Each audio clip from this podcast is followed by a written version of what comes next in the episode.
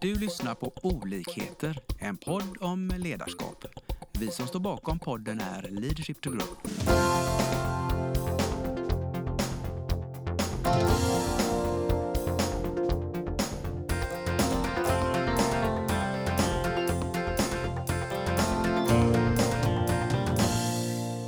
Välkommen till dagens podd. Idag är jag ute på Bengt Dahlgren i Göteborg och jag själv heter jag Lars Engström och jag har en gäst framför mig här som du får presentera dig själv. Ja, Välkommen! Tack, tack Lars. Ja, Anna Nivala heter jag ehm, och som du sa så är jag VD på Bengt Dahlgren i Göteborg. Ehm, ja, och om vi börjar. Jag hittar ju dig faktiskt väldigt okonventionellt på i ett LinkedIn-flöde så det kan vi komma tillbaks till tänker jag att, att du syns ganska mycket på ett bra sätt tycker jag i sociala medier. Men ingången är väl egentligen att vi får berätta för våra lyssnare vem du är. Hur har, hur har du hamnat här? Ja, jag, eh, om man tittar på utbildningshistorik så har jag eh, läst Chalmers. Jag började på mm, kemiteknikprogrammet faktiskt. Så kemi? Ja, ja kemi. Ehm, var där i två år, ganska envis och ville inte ge upp även om jag kände att det kanske inte riktigt var något för mig. Men sen så tog jag mina eh, sinnen till fånga där och så kände jag att jag vill nog göra någonting som är lite mindre abstrakt och lite mer konkret. Och då tyckte jag ändå Chalmers var en bra skola. Mm, mm. Så då bytte jag till affärsutveckling inom samhällsbyggnad. Spännande. Ja, så det var en väldigt bra utbildning. Man fokuserade lite mer på ledarskap och det var kommunikation och eh, ekonomi och psykologi och mycket sådana bitar. Som väldigt bred låter det. Ja, ja, men väldigt bred mm. utbildning. Mm. Det kan vi rekommendera då till om vi har några ja. lyssnare som står och väljer vad man ska göra. Ja, men det kan absolut rekommendera den utbildningen och den känns lite modernare också tycker jag än bara fastna i det här att räkna matte eller gräva mm. ner sig i någonting för de som kanske känner sig lite mer som generalister än specialister. Yes. Efter det så fick jag, eller gjorde jag praktik under utbildningen faktiskt på mm. Peab eh, och testade på att vara ute i produktion för jag tror det är väldigt viktigt om man ska jobba i en bransch att man förstår grunden till det. Så det var väldigt värdefullt för mig att få vara ute på byggarbetsplatserna. Och när jag var klar med min utbildning så ringde Peab upp eh, och frågade om jag ville ha jobb. Okay. Så då tackade jag givetvis ja. Eh, och sen så fick jag chansen att jobba som arbetsledare under två års tid. Två år är ändå en ganska lång tid kan jag tycka.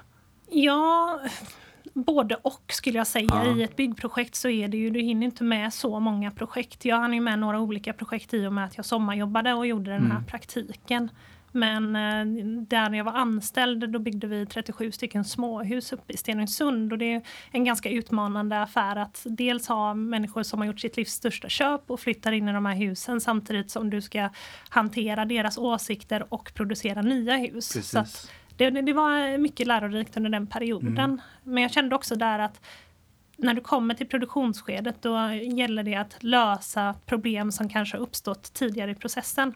Så då, då blir jag lite mer intresserad av att kanske byta sida eh, och titta på att jobba på beställarsidan. Ja. Och då blev jag konsult istället eh, och började jobba med bygg och projektledning. Bygg och projekt, ja.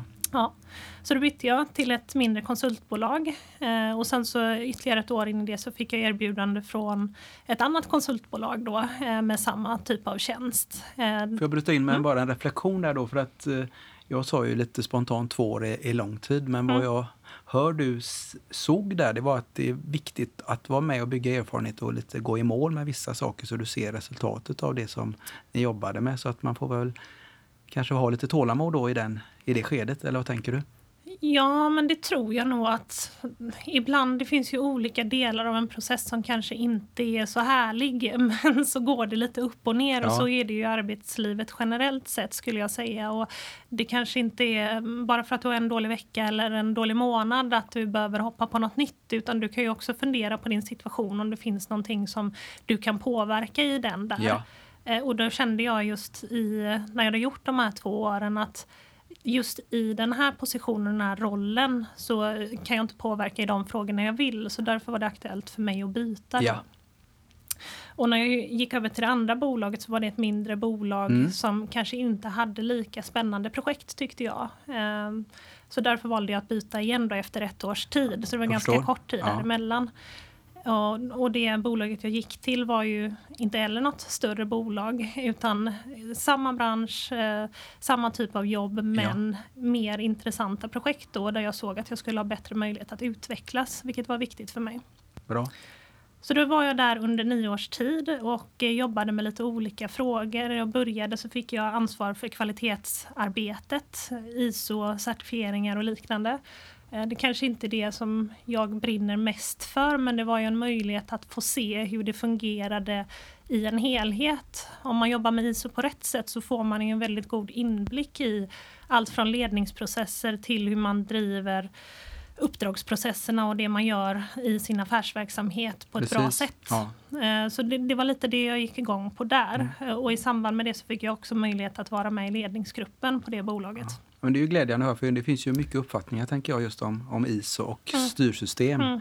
Allt från att man inte vill ta i det nästan till att man jag vill ha bara intyget till att, som det låter som ni, ni gjorde där, att ni jobbade in det i verksamheten på ett effektivt sätt. Ja, men jag tror det om man ska känna att man har någon nytta utav det. Man mm. kan ju välja att göra på olika sätt och ha de här processerna och säkra upp dem på annat sätt än att göra det med ett ISO-system. Men om du ändå ska ha den certifieringen så mm. tycker jag att man kan dra nytta av det också. Och jag tycker inte att man ska vara så rädd för det här med ISO, för den är ganska generellt skriven mm. och det handlar ju om att du ska utveckla dig hela tiden och det är ju affärskritiskt oavsett vad du jobbar med ja. så behöver du ju titta på det. Så att det är egentligen mer som en hjälp. Men så fick jag chansen då att vara med i ledningsgruppen och utifrån det så behövde vi någon som tog ansvar för marknad. Så då kände jag så att det låter ju spännande, det, det ansvaret kan jag ta. Så då tog jag den frågan istället. Ja. Eh, och så är det så, en liten reflektion där då, är det mm. så du fungerar? Det, det, verkar spännande eller det här eh, triggar dig, då, då slänger du dig ut. Är det din personlighet lite där? Ja, men jag tror det. Det gäller ju att ta chansen när man får den. Tänker jag. Yes. Så att eh, jag hoppar lite först och så, så testar man och så mm. brukar det ja, alltid bra. landa bra. Mm. Mm. Ja, och landar det inte bra så får man testa något annat, ja. tänker jag. Ja, men det, det är väl ett så att mindset som låter som en bra... Mm. Att du är liksom nära dig själv och vad du drivs av. Och det borde ju bli ett värde för bolaget också, tänker jag då. Ja, ja man I, hoppas det. Ja. Nej, men jag har alltid haft den drivkraften också att försöka göra saker bättre. Och det är både mig själv och försöka göra mig själv bättre men också göra det bolaget där jag arbetar bättre. Yes. Och då såg jag ju att här fanns en möjlighet att göra saker bättre inom marknadsområdet mm. också. Så då fick jag den chansen att jobba med det i ledningsgruppen mm. istället. Mm. och sen så var jag i de sammanhangen ett tag och sen så skulle vårt bolag där jag var på tidigare jobba med att utveckla mission och vision och affärsidé och det tyckte jag var väldigt spännande frågor. Så när det dök upp eh, så sträckte jag upp handen och sa att det skulle jag gärna vilja göra också. Eh, och då fick jag den chansen också, vilket jag tycker var väldigt roligt. Eh, så då, då jobbade jag med det och sen när det var dags för ett ledarbyte eh, på vd-positionen i det bolaget så fick jag frågan du fick om var intresserad. Ja. Mm. mm. Då Kul. tog jag den chansen också. Så att, var ja. det en annan, hur tänkte du, minns du känslomässigt där? För vd-roll är ju lite annorlunda än, än eller, ja, affärsområde eller marknad, mm. ledningsgrupp. Kände du något sånt eller var det självklart? Nej, men eftersom bolaget ändå var lite mindre så kan man ju, vd-roller är så olika. Mm. Ibland är ju vd-roller som ett affärsområde, alltså att du är affärsområdesansvarig. Ja, eh, och det här var ju ett uppdrag för ett mindre bolag så det var ganska lagom omfattning tyckte mm. jag på det uppdraget. Och samtidigt så var det i en organisation där jag kände mig väldigt trygg med alla mina kollegor och det mm, fanns en mm. fantastisk kultur där också. Eh, och det gjorde ju att jag kunde, kände mig trygg i att ta mm, det mm. steget. Sen har jag alltid under tiden jag var där och utvecklades från att jobba med byggledning och projektledning eh, så har jag ju haft det intresset att försöka jobba med bolagsutveckling. Och för mig var det en väldigt fin möjlighet att få fortsätta jobba med bolagsutveckling ännu mer än vad jag hade gjort tidigare genom att ta den rollen och försöka påverka i de frågorna som jag tycker är viktiga. Då. Bra. Och nu är vi snart på... Ja, och så nu då så kommer vi fram till... Eh, jag hann ha den rollen i ett år på ja. det bolaget ja. innan jag blev uppringd av en rekryterare som frågade mig så, men vad, Jag hade klickat på en annons och så hade de sett det, det de i sett. LinkedIn. Ja, man, det man, får pass, man får passa sig. Ja, ja du, man ser vad man klickar på. Eh, och då um, ringde de mig och frågade så här, men skulle du vara intresserad av att lyssna lite mer på den här tjänsten? Och så tänkte jag så här, men det är ju, jag hade nog inte sökt den spontant så, för det var lite för tidigt in i den rollen jag hade fått på det bolaget mm, jag var. Jag kände, kort, ja, men, och jag kände väl att där finns ju mycket kvar för mig mm, att utveckla, mm. men jag skulle ju bara lyssna lite. Och sen så var jag där och lyssnade och eh, två och en halv vecka senare så var det i princip klart. Jag hade träffat 16 personer som jobbade här Oj. på Bengt Ahlgren och jag hade gjort kapacitetstester och personlighetstester. Och, ja, det var ju liksom en storm. Eh, och sen så eh, fick jag ett samtal då att de vill gå vidare med dig. Så då var det så här, Oj, ah, ja! det var jätteroligt. Härligt. Jag blev jätteglad ja, för den ja, möjligheten. Ja. Och det var ju ytterligare då en chans för mig att jobba ännu mer med bolagsutveckling mm. eh, och få lite andra eh, stöd och hjälpmedel runt omkring. När man jobbar på ett mindre bolag så blir det mycket att du är ju ekonomichef och så är du HR och så är du VD och sen så jobbar du lite i projekt. Men här har jag ju fått möjligheten att mer bara jobba med VD-uppdraget. Gott. Nej, men det var väl mm. en jättebra mm. mm. mm. bakgrund hur mm. du har liksom navigerat det fram. Mm. Och det tror jag är värdefullt för våra lyssnare också att du, du har ändå inte hoppat i blindo utan du har gjort lite research, eh, lite som jag tänker in, personliga SWOT-analyser, för och nackdelar, tid, erfarenhet, vilka pusselbitar du vill lägga till och även vad du drivs av, så att säga, bolagsutveckling nu det sista. Då. Bra, men nu är vi på Bengt Dahlgren mm. och eh, här har du nu varit eh, ett drygt år då, är mm. det så? Det stämmer. Ja, och eh, du ångrar inte det? Nej, absolut inte. Eh, och just när du säger det här med valet också, där har jag ju varit väldigt noga med vilken typ av bolag jag vill jobba på. Mm, du, och jag ja. kommer från ett bolag som har en fantastisk eh, fin kultur och värderingar och likväl så tycker jag att jag har kommit till ett bolag som har precis samma grundvärderingar och fina kultur och omtanke mm. också. Eh, och jag med ett annat nätverk, jag ska bara nämna det också. Och då Eh, I det nätverket så pratar vi om hur vi har det i våra bolag och just vid det här samtalet så pratade vi om hur det fungerar i samarbete med styrelsen och vad man har för förutsättningar mm. att driva sina frågor och hur man upplever sin egen situation i det. Och då berättade jag hur jag hade det och jag tycker att jag har det väldigt bra. Eh, och de, då var det någon som uttryckte så här, men du lever ju någon typ av utopi som vi andra Asså. kan sträva efter. Eh, och Spännande. nästa gång du byter jobb så kan du vara säker på att det inte blir så. Lite på den nivån okay. var det. Och då tycker jag också så här att det här jobbet har inte valt mig. Det är jag som har valt det här jobbet mm. och det är jag som har valt det här bolaget. Så att man har ju liksom en egen makt att styra ja, var man hamnar. Både makt och ansvar, precis. Mm, precis. Och det är väl en viktig signal också att inte vara, bara liksom sitta still utan eh, hjälpa till och vad är mina kriterier för det ska bli en bra match? Precis som mm. du sa tidigare, det bästa är ju om det blir en matchning mellan dig som individ och bolaget och vad behoven är. Ja, men precis. Och sen tänker jag den dimensionen, jag tycker vi kan stanna upp lite i det också, eh, mellan styrelsen och VD, liksom hur, hur det mm.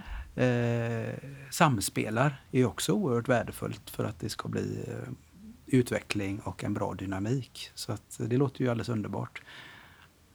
Yes. Eh, vad tänk, om, om vi tänker lite då. Du, du har ju då, tycker jag, en röd tråd i det du har sagt. Att du har varit väldigt tydlig med vad du vill, vad du utvecklas kring och så vidare. Har du, har du koll då på alla, för lyssna, drivkrafter och talanger och, och liksom vad, du, vad, du, vad du söker när du utvecklas? Svår fråga om jag har koll. Jag reflekterar ju mycket ja. när en möjlighet dyker upp Mm. Sen är jag ganska säker på man känner det i sig själv. Ja. Var, man känner det? Så här, ja. ja, jag upplever att jag känner ja. det väldigt tydligt. I detta fallet, om man applicerar yes. det på Bengt Dahlgren, mm. så kände jag att här finns ju möjlighet att utveckla något. Mm. Eh, både mig själv och bolaget. Vi, jag stötte på Bengt Ahlgren kanske för tio år sedan första gången ja, när jag jobbade ja. andra uppdrag. Eh, dels hade jag ju koll på vilken kultur och vilket typ av bolag ja, det var det, redan innan. Hade koll, vad innebär det? Kan du konkretisera det, det, lite? Jag har ju stött på många medarbetare som jobbar bra. här. Eh, och det tycker jag är ju ett av de bästa kvittorna hur medarbetarna mm. eh, uppför sig och vad man får Precis. för känsla utav dem när man träffas och du, i Så projekt. du har provtryckt det lite om man för lyssnar nu så de förstår? Liksom. Ja, liksom, för det, menar, ja. känslor, det kan bli flummigt med känslor men här låter det mm. som att du ändå du vet vad du söker. Du, du, I en dialog med de här medarbetarna så har du känt att ja, men den här kulturen är på riktigt ja. och de står för det och det, det, mm. det fungerar bra med mm. det jag står för. Lite ja. så? Ja, men absolut. Precis på det sättet. Och sen så jobbar man också med frågor som jag tycker är viktiga. Mm, mm. Eh, som till exempel hållbarhet. Och det är en mm. sån fråga som vi jobbar mycket med. Precis. Och det är viktigt för mig att det är en ödesfråga i samhället. Ja. Och att jobba på ett bolag som är med och driver den utvecklingen och har det i sitt DNA. Också väldigt viktigt för mig. Ja, men det låter ju jättespännande. För just det, det skrivs ju mycket om det och forskas mycket kring just hur viktigt det är med värderingar. Men det ska vara värderingar som, som, som är då verkligen rotade eller sitter i, i bolagets ja. DNA. Så att, eh, hur jobbar ni med det nu idag då? För det låter som det här, du brinner för det, men eh, brinner alla på Bengt Dahlgren för det? Ja, men jag upplever att det är väldigt viktigt. Mm. Eh, och det är ju en del utav våran kultur. Ja. Och eh, jag tycker det är lite roligt för det här bolaget startades ju för 70 år sedan mm. utav en man som heter Bengt. Och redan på den tiden så bjöd han hem sina medarbetare på blåbärspaj på söndagar. Och så hade han typ av slogan att en eh, Oj, mätt ja. ingenjör är en bra ingenjör. Ja. Så jag tycker någonstans redan där så har man ju bäddat för det här sättet att se mm. på att det gäller gäller att ta hand om de människorna vi har i vår organisation. Och just när det kommer till konsultbolag så säljer vi ju timmar så som det ser ut idag. Och då har vi, det enda värdet vi har i bolaget är de människorna som jobbar där. Och då gäller det ju att ha rätt grundvärderingar. Och hade inte det funnits så hade inte jag velat ha uppdraget som VD. Nej i det här bolaget. För jag går inte igång på att försöka vrida ur människor som disktraser och tjäna så mycket pengar som möjligt. Utan jag tror ju att det måste ske i ett bolag där människor mår bra mm. och där man känner glädje i det man gör. Och då kommer de göra det så bra som möjligt för kunden. Ja, och då kommer effekten bli att vi tjänar pengar. Mm. Så att, det låter ju väldigt lätt när du säger det, för det, egentligen är det ju inte svårare än så. Nej, jag tycker inte det, men ja. alla kanske inte tänker på samma sätt. Nej, men jag tror det finns en, en, en, gammal tänk om det här med industrialism och att det ska vara liksom att vi är robotar. Men eh, om man jämför då som, som jag har förmånen att jobba mycket med idrotten och lag och så vidare så är det ju så att det är ju det här samspelet när människor mår bra och när vi har tillit till varandra som skapar bäst resultat. Och det, det är väl förmodligen så det är i, i en organisation också. Att mår vi bra så kan vi ge varandra utrymme och vi utvecklas och som ett brev på posten så får vi också ett bra resultat. Så att det blir ju win-win. Ja, jag är helt övertygad om det. det. Jag tror inte att det är någon skillnad egentligen mellan eh, idrottslag och eh, företagsbyggande. Det är egentligen samma sak. Det är människor som ska jobba tillsammans mm. och stötta varandra i sina styrkor och svagheter ja. egentligen. Ja. Men du, det här med, vi kan fortsätta lite på det här med värderingar och hållbarhet. Har du Eh, utvecklat ytterligare nu då i ledningsgrupper och annat? Hur, hur ser det ut hos er för att driva de här viktiga frågorna? Ja, men om man tittar på den ledningsgruppen vi har eh, så när jag kom in här så hade vi inte med hållbarhet i ledningsgruppen. Och det är ju ett sånt aktivt val vi har gjort mm. nu då. Spännande. Att rekrytera en person till en roll som vi kallar affärschef hållbarhet. Och den personen kommer ju bli en del utav företagsledningen mm. här. Inom Om vi stannar upp, för det är lite spännande. Då. Du, det kallas inte bara hållbarhet utan det är koppling till affären. Den, ja. den går jag igång på. Vad, ja. vad, berätta mer. Jo, men jag tror att det vi ser att vi kan göra störst påverkan på det är när vi lyckas påverka våra kunder att göra bättre och mer hållbara val. Ja. Och ska du lyckas få gehör hos kunderna så behöver du kunna koppla hållbarheten till affären. Finns det en ekonomisk vinning, och det här är lite cyniskt, men finns det en ekonomisk vinning i affären så blir det lättare att göra den investeringen i hållbarhet ja, ja. också. Men är Sen, det cyniskt egentligen?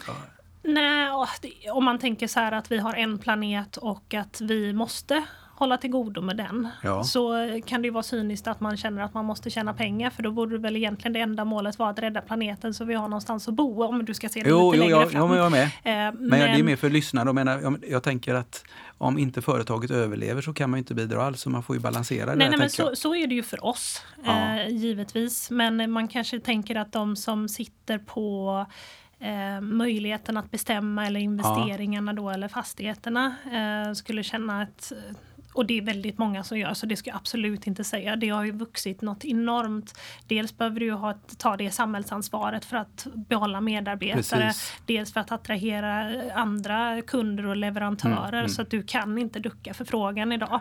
Men mycket kan man ju se att statusen på frågan har ju höjts också när pengarna finns involverade i bilden. Jag tänker på eh, ESG, ett sånt direktiv som har kommit. Eller taxonomin som kommer också och det finns ett krav på att du ska redovisa hur hållbar du är i ditt bolag för att du ska kunna få eh, en grön finansiering, lägre räntor egentligen. Mm. Så vi är ju på väg åt det hållet. att ja. det, det, liksom, eh, det, behövs ju finansiering, mm. ekonomi mm. för mm. Att, att göra mm. förändringen. Mm. Så att jag tänker det, det, går väl att balansera, mm. det låter som, mm. som, så som ni ser på det. Ja, men jag tror det. Och det här med att ha en affärschef då, det blir ju också mm. det här att någon som har fokus både på affär och på hållbarhet och kan prata med kunderna på den nivån.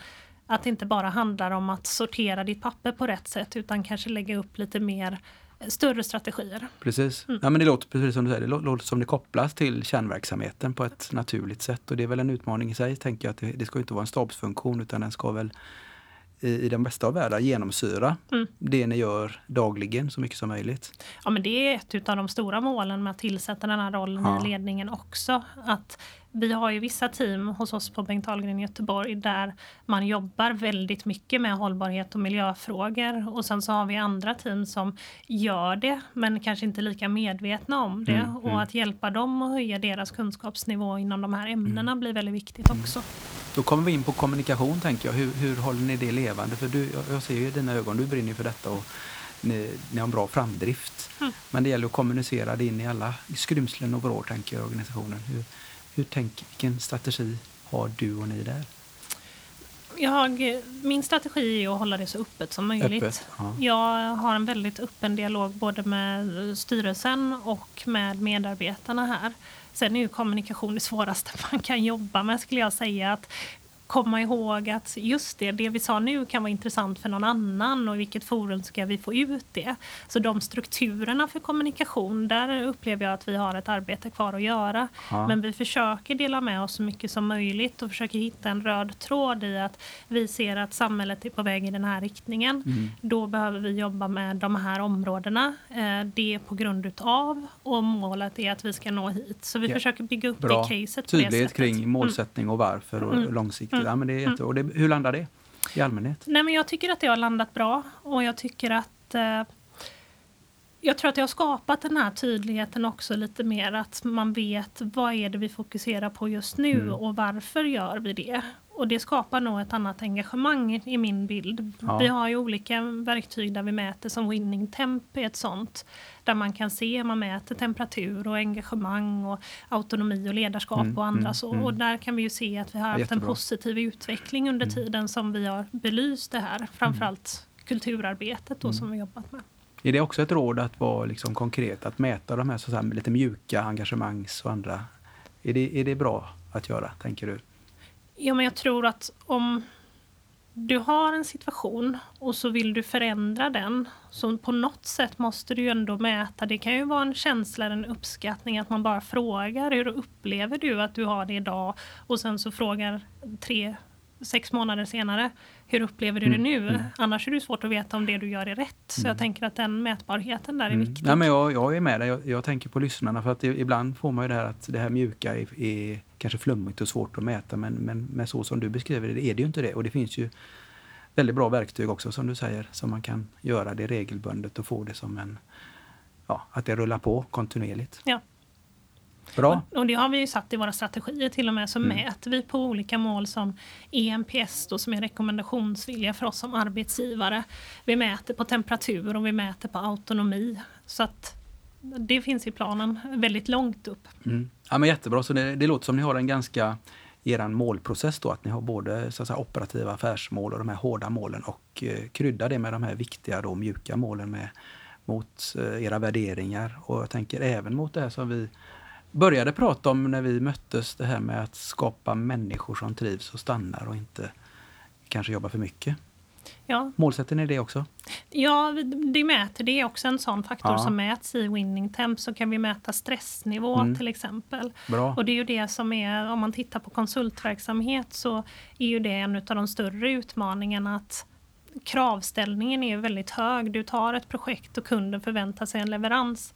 Är du anställd hos någon på 100% där finns det en större tolerans mm. för att din leverans kanske inte alltid ligger på 100% Men när du har köpt en konsult, då köper du bara de mm. timmarna som är produktion. Precis. Och det blir väldigt svårt då för personer som kanske är belagda 100% i uppdrag att kanske hitta den nivån. Mm, och mm. Det handlar ju lite om att jobba med sig själv också, att ha en acceptans för att jag kanske är någon dag är jag 120-procentig, någon ja. dag är jag 80-procentig. Det här är spännande. Hur, hur kommunicerar du det? För det här är ju som sagt ett dilemma, tänker jag, i att vara debiterbar men ändå liksom få vara människa och ha bra och dåliga dagar och bli uthållig.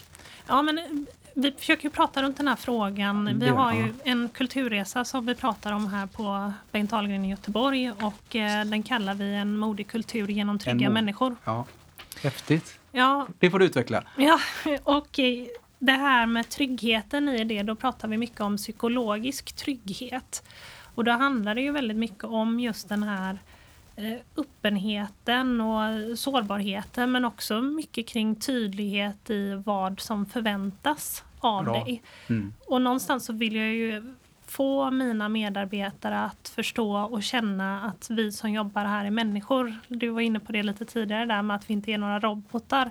Eh, och det är vi verkligen inte. Vi kommer kanske i framtiden jobba väldigt mycket med AI och digitala verktyg. Det gör vi redan idag. Mm. Men just vi som jobbar här, vi är människor och det måste man förstå att det finns liksom olika tillfällen man är olika bra och det är olika saker man är ja. olika bra på också så att vi behöver komplettera varandra. Och det här tycker jag är modigt att prata om för det, det, det ligger väl någonstans där om vi ska lyckas med AI och allt det här så får vi väl också höja oss själva till skyarna vad vi är bra på som människor och när vi är bäst så att säga. Ja. Vi har ju, om man tittar på konsultbranschen inom samhällsbyggnad så finns mm. det olika studier som visar på att 40 procent av de tjänsterna vi säljer idag kommer försvinna genom att de Oj. blir digitaliserade. Ja, det är en stor siffra.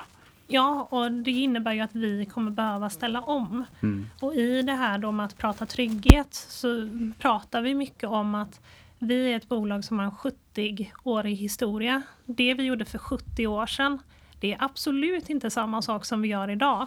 Vi har klarat den här förändringen förut. Det handlar bara om att vi ska hitta den här tryggheten och må så bra att vi blir nyfikna och kan ta oss an den här mm. nya utmaningen. Mm. Och så, det handlar egentligen bara om att lära sig nya saker. Det är det man ska komma ihåg också. Det handlar inte om att det helt plötsligt ska dyka upp någonting och så blir det svart eh, framför ögonen. Utan det är en process som sker där du lär dig något nytt verktyg. Precis som vi har lärt oss nya verktyg tagit till oss datorer eh, under den här 70-åriga processen då så ska vi lära oss nya sätt att Precis. använda de här digitala verktygen. Och det ska vi göra med glädje och engagemang och nyfikenhet. Och det är det vi försöker skapa här då. Ja, spännande. Det, det, känns ju som att ni har tänkt på... Vad är det ni har missat nu då? I detta här låter ju nästan för bra för att vara sant. ja, men det, det, är väldigt enkelt att sitta och prata om det här. Alltså, och det är så här det ska gå till, men det är ju också människor som ska känna det i sig själva. Mm. Så det är ju det som är den stora utmaningen och det kräver ju att hela organisationen lever på det här sättet. Och där jobbar vi mycket nu med att eh, vilket beteende är det som hjälper till att skapa det här. Den känslan om du är chef eller ledare i vår organisation. Vad, vilken förebild behöver du vara och vilket beteende har mm. du som gynnar att människor yes. runt omkring dig kommer, känner sig trygga och kan ja, komma jättebra. med tankar och idéer. Eh, vad har ni för stöd där, tänker formellt? Finns det med i rollbeskrivningar och förväntningar eller hur gör ni det rent praktiskt? För det Ja, vi har ju befattningsbeskrivningar, ja. det tror jag de flesta bolag har och där nämns ju olika delar i det. Men sen tror jag att vi har ju en HR-funktion. Uh, idag har vi en och en halv HR ungefär på våra 150 medarbetare. Och de hjälper ju till och stöttar mm. väldigt mycket mm. i det här arbetet också. Sen är jag väldigt intresserad av de frågorna och det blir lite det man lyser på. Mm. Eh, det blir också aktuellt och någonting man reflekterar över. Precis. Så att vi är många som liksom försöker jobba mm. med det här. Bra. Nej, för det är, när jag tänker, nu tänker jag högt att är man många, kanske ledare som har tagit till sig detta men man inte pratar om det så man har lite olika angreppssätt, då kan det ju bli spretigt och då kan det i värsta fall bli otydligt för en enskild medarbetare och flera. Så det är just den, det är det jag är intresserad av, hur, vilket stöd, hur liksom alignar ni er så att säga och får en kommunikation kring det som skapar det du beskriver, att, att ända ner på varje medarbetare känner det här, förstår det och förstår förväntningarna och förstår så. Mm. Men det låter som ni, ni har en bra plan för det. Ja, men vi jobbar med frågan. Sen kan det alltid bli bättre också. Ja. Och jag tror att det där får man ju se precis som att de människorna som jobbar i våra uppdrag är ju individer. Mm. Så är ju också de som är chefer och ledare individer. Och det tycker jag också är en viktig fråga att prata om att där har man inte samma behov heller. En del är superbra som ledare och ta hand om andra människor. En del kanske är jättebra på kundbearbetning mm, mm. och har ett ledarskap yes. ändå och då får man ju liksom jobba med de här på olika sätt. Så att mm. där försöker vi anpassa det också. Där... Har, du, har du några exempel på det? För det är ju jättespännande.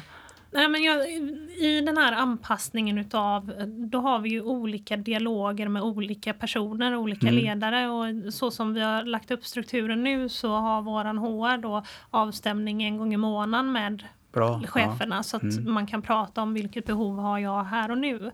Och jag ser ju väldigt mycket oss som har de här stabs och ledningsfunktionerna att ja. vi ska vara en servicefunktion för de som jobbar ja. i organisationen så att de kan göra ett så bra jobb som möjligt. Samtidigt som vi också har uppdraget då att titta lite längre fram och hitta rätt verktyg och ge rätt förutsättningar mm, för mm. att vi ska kunna ta oss framåt och vara aktuella i framtiden ja, också. Det låter ju jättespännande. Du, en sak till som jag vet ligger dig varmt om hjärtat värderingsmässigt, det är ju det här med att, att just få vara, inte, få vara mänsklig och få, vara, få balans i, i den här stressen som finns i samhället och den här snabba utvecklingen, kanske oro hos medarbetare. Hur eh, kommunicerar och jobbar ni och du med det?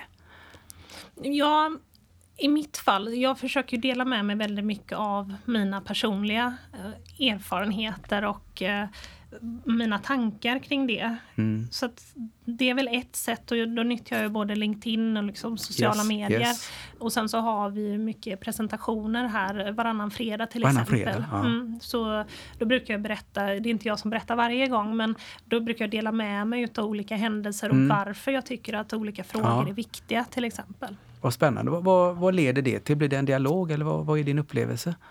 Men jag tror att det leder till reflektion snarare mm. hos eh, medarbetarna. Att man ser att här är någon som också går igenom saker. För det är lätt att bli matad så som det ser ut idag om mm. du har mm. sociala medier. Så det enda man lägger ut i princip det är när någonting är på topp. Mm. Och sen så är det om du möts, säg att du har 100 personer i ditt kontaktnät då, så möts du av 100 personers toppinlägg mm. hela tiden. Mm. Och då är det ju lätt att få ett intryck av att jag som enskild individ ska ha, lyckas ha 100 likadana toppupplevelser. Så att det blir en väldigt konstig bild av ja. vad förväntningarna ja. ska vara och hur lycklig man ska vara eller hur Precis. lite dåliga saker som händer runt omkring dig. Så att med den här öppenheten så vill jag också också visa på att det finns saker som händer. Livet mm. kommer hända och det kommer hända tråkiga saker. Det handlar snarare om hur du tar dig an dem. Ja. Och i den här öppenheten så vill jag ju också att man känner och visar på att det inte är farligt att dela med sig heller. Det är också en förutsättning mm. för att du ska kunna få hjälp ja. och förståelse. Att du är öppen och delar ja. med dig. Ja, men jag, jag blev, det var ju så jag hittade det. Jag blev jätteimponerad av det, den öppenheten, mod, sårbarhet som du... Och jag tänker det, ett, det låter som det var ett medvetet val att göra så, bryta det här mönstret lite på sociala medier med verkligheten. Ja, men jag, jag jobbar ju aktivt för det. Att ha en annan öppenhet. Jag tror att mm. vi hade mått bra utav det. Ja. Jag tycker att det är väldigt lätt att dumförklara någon. Eh, och då handlar det ju väldigt mycket om att du vet ju inte vad den andra personen går igenom. Jag, om jag tittar på mig själv så är jag en väldigt prestationsinriktad bakgrund. Ja. Och eh, där, man, där jag egentligen har satt värdet på mig själv i vilka leveranser och vilka mm. prestationer jag har uppnått. Mm. Och det här tänker jag, vi stannar upp där, för det, det tror jag är viktigt till våra lyssnare då, att, att lyssna på vad du säger nu, för att det, det är ju inte en väg framåt egentligen. Det, det, kan vi, det kan vi vara överens om, tänker jag.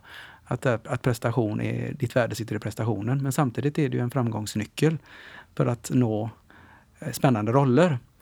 Och hur tänker du idag då för att balansera det med att vara mänsklig och vara eh, sårbar men ändå liksom ha höga standard? För det är egentligen det som är tricket, tänker jag.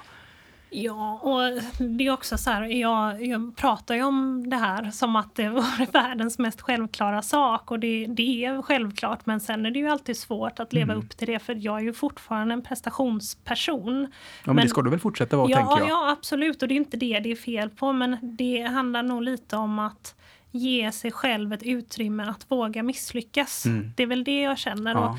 I... Vi stannar ge sig själv utrymme att våga misslyckas. Låt det sjunka in, för det, det ligger väl mycket i det. Att man eh, behöver göra upp med sig själv var och en. Ja, och tyvärr då så upplever jag att i mitt fall så hade jag ju jättestort fokus på jobbet. Mm, att mm. Det låg ju ganska mycket ja, men prestationsångest i det också. Mm. Att, Gjorde det?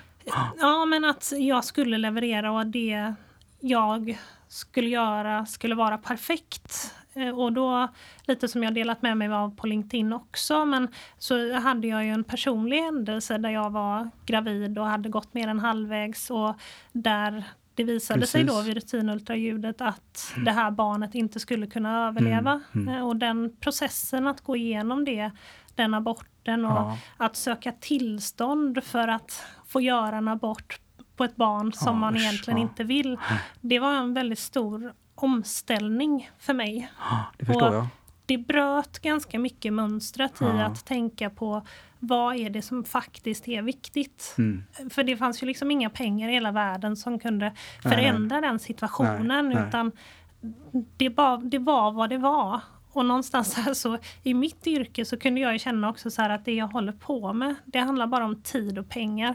Det kan gå fel men det är ingen som kommer dö i det här. Och det är ändå det livet som ja. är det viktiga. Precis, och den är ju så viktig att zooma ut i, tänker jag. Klara det i, i ett liv som är mm, liksom det är högt tempo och så vidare. Men att kunna stanna upp, zooma ut. Och, så, så jag, jag, tänker det är väl ett råd till alla våra lyssnare. Att gör det och, och tänk vad är viktigt egentligen och våga stå på sig där. Eh, men det låter på dig som du kom styrkt på något sätt ur det här ändå då, på något sätt. Ja, men först var det ju en väldigt jobbig process ja, ja, eh, att ja. ta sig igenom och det är ju någonting som det tror jag alla vet om man har haft någon som har gått bort eller någonting har hänt så är det någonting som ligger och mm, gnager. Mm. Det är ju sekundintervaller mellan att tankarna på det här mm. kommer upp. Och i det så så, när man liksom ändå kommit igenom det lite mer så kunde jag ju känna, och även där i den mm. stunden, att det är synd att något sånt ska behöva hända för att man faktiskt ska vakna till lite mm. och förstå vad som är viktigt på riktigt. Och jag tror att många som går igenom sådana här saker som lyckas ta sig igenom det, de hittar nog ett annat perspektiv på sitt liv och sin egen insats.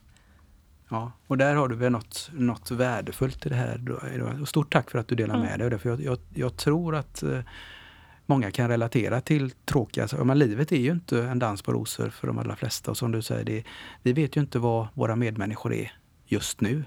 Nej, och jag, det, det är en sån tydlig situation för att just det jag har väldigt smala graviditeter, det syns inte på mig att jag är gravid. Så jag hade, och det tyckte jag var lite tur, tur i det här fallet, att jag hade inte delat med mig till så många att det Nej. faktiskt var så. Nej. Men sen då så fick jag en tid på sjukhuset och så bokade jag, så tog jag ledigt en ja, dag. Ja. Och sen var jag hemma den dagen och sen en dag senare så var jag tillbaka på jobbet. Oj. Och, då, ja, och det här låter ju också lite sjukt, men det är också i den här prestationsmänniskan. Ja, ja, och på något sätt så har det varit en överlevnadsstrategi i mig också, mm. att när någonting dåligt händer, då vill jag fortsätta göra någonting som mm. jag känner mm. skapar mm. värde. För det var en helt värdelös händelse. Nu så här i efterhand kan jag ju se tillbaka på det, att det har stärkt mig, men jag önskar ju att det var, aldrig skulle hända och jag precis, önskar inte precis. att någon annan ska gå igenom det heller. Men där då så vill jag liksom ha något annat att jobba med där jag känner att här bidrar jag, här skapar jag någon typ av värde. Så för min del är det en strategi att komma vidare. Ja. Men då möttes jag ju av en kollega som sa, och han hade ingen aning för jag har inte delat med mig och det var inte utav ondo. Men det första jag möttes av är så här, Åh vad härligt, är du tillbaka? Har du vilat upp dig nu? Oj. Och det är också så här... Landar ju jätte, ja, ja. Det landar ju väldigt fel. Ja. Men det var ju, fanns så... inget dåligt ment med det. Men det är också tanken till så här, när jag träffar någon här. Jag vet ju faktiskt inte vad de Nej. har gått igenom. Och då kommer jag till det här snälltolka begreppet också. Mm. Och ha den förståelsen när man tycker att någon annan beter sig eller gör någonting som man själv inte hade gjort eller som man kan bli upprörd över. Ja men den är jättebra. Just den här balansen för det, jag tycker med det här du sätter eh, fingret på just hur, hur li, livet är ju upp och ner och att ha då en ödmjukhet och vara, vara snäll mot varandra. I, det bygger också, tänker jag, en, en kultur, ett DNA kring tillit och eh, delaktighet som vi verkligen behöver i, eh, organisationen också. Mm. Så att, eh, jag, jag, där är du ett jätteföredöme. Så stort tack för denna, mm. den, detta perspektiv. Så jag, jag tror att, eh, vi hoppas ju inte att människor ska behöva uppleva sådana här saker, men just stanna upp och, och, säga vad är viktigt i livet och tänka på det gentemot varandra är väl en sån här kulturdel som eh, det kräver mod men det bygger också tillit, tänker jag. Mm. Ja men absolut, jag tror det man märker när man delar med sig det är att andra delar med sig tillbaka. Mm. För det var det lite som var, min fråga, för jag har ju också följt dig då på sociala medier och fascinerats av både kommentarer och annat. Och det känns ju som, som du sa, att det blir ju en kultur i kulturen då, att dela med sig, att bli kanske mer empatisk. Du, du skapar det här som du, vi pratar om psykologisk trygghet, mm. att det är okej okay att prata om saker som inte är topp eller som är jobbiga också. Mm. Och på så sätt komma närmare varandra, även yrkesmässigt. Ja, men jag tror det. Och där brukar jag också försöka prata om att vi är inte en, bara en yrkesperson utan försöker prata om helheten mm, av en människa. Mm. Och det tror jag också blir viktigare. Att det är inte bara de åtta timmarna du är på jobbet. Och det, jag tycker inte att det bara är det som är vårt ansvar utan eh, om vi tittar i detta året bara mm, så mm. ska vi ha en hälsomånad nu då i augusti. Och då Bra. tänker jag så här att vi ska ha lite olika typer av föreläsningar och material som vi ger till våra medarbetare. Det kan vara poddavsnitt eller ja. Ja, kortare inspel kring något ämne. Men där tanken är ju att man ska kunna nyttja det i hela sitt liv. Att mm, mm. Det kan ju vara så här att vi lär oss någonting, är att vi får ett verktyg som gör att du mår bättre hemma i ditt förhållande mm, eller mm. relation till din familj. Precis. Och det har ju du nytta av, för mår hela du bra så blir det ju väldigt mycket bättre. Absolut, och det går väl, finns väl, om vi ska vara cyniska, finns väl en affärsdimension på det också. Människor som mår bra på jobbet mm. tack vare att de mår bra hemma och i helheten levererar ju bättre resultat tänker jag också i både projekt och annat. Ja, men, så, så svårare än så är det ju inte där heller. Nej, nej, men, men det gäller att prata om det tänker jag. Ja men precis så är det. Och om vi ska titta på det här med när man blir sjukskriven mm. så är det oftast inte bara att du har det jobbigt på jobbet eller att du bara har det jobbigt hemma utan oftast är det en kombination ja. utav de två. Så därför tycker jag att det blir viktigt att se helheten då mm. av en människa. Mm. Jag fick fram på näthinnan nu, det, det är ditt, ditt ledarskap eller din ledarskapsstil, det är någon så här humant ledarskap eller vad skulle man sätta för etikett på det om vi ska? Jo men ja det skulle man väl kunna säga. Ska du skriva en bok om det någon gång?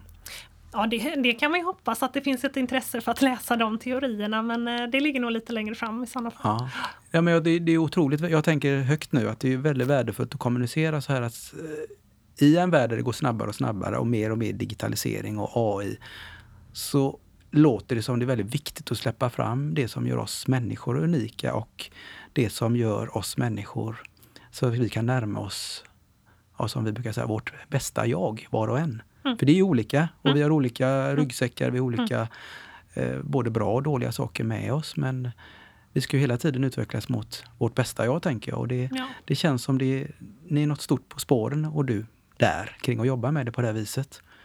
Ja, men jag hoppas det. Att, eh, som sagt, det är väldigt svårt att förutspå vad som händer i framtiden.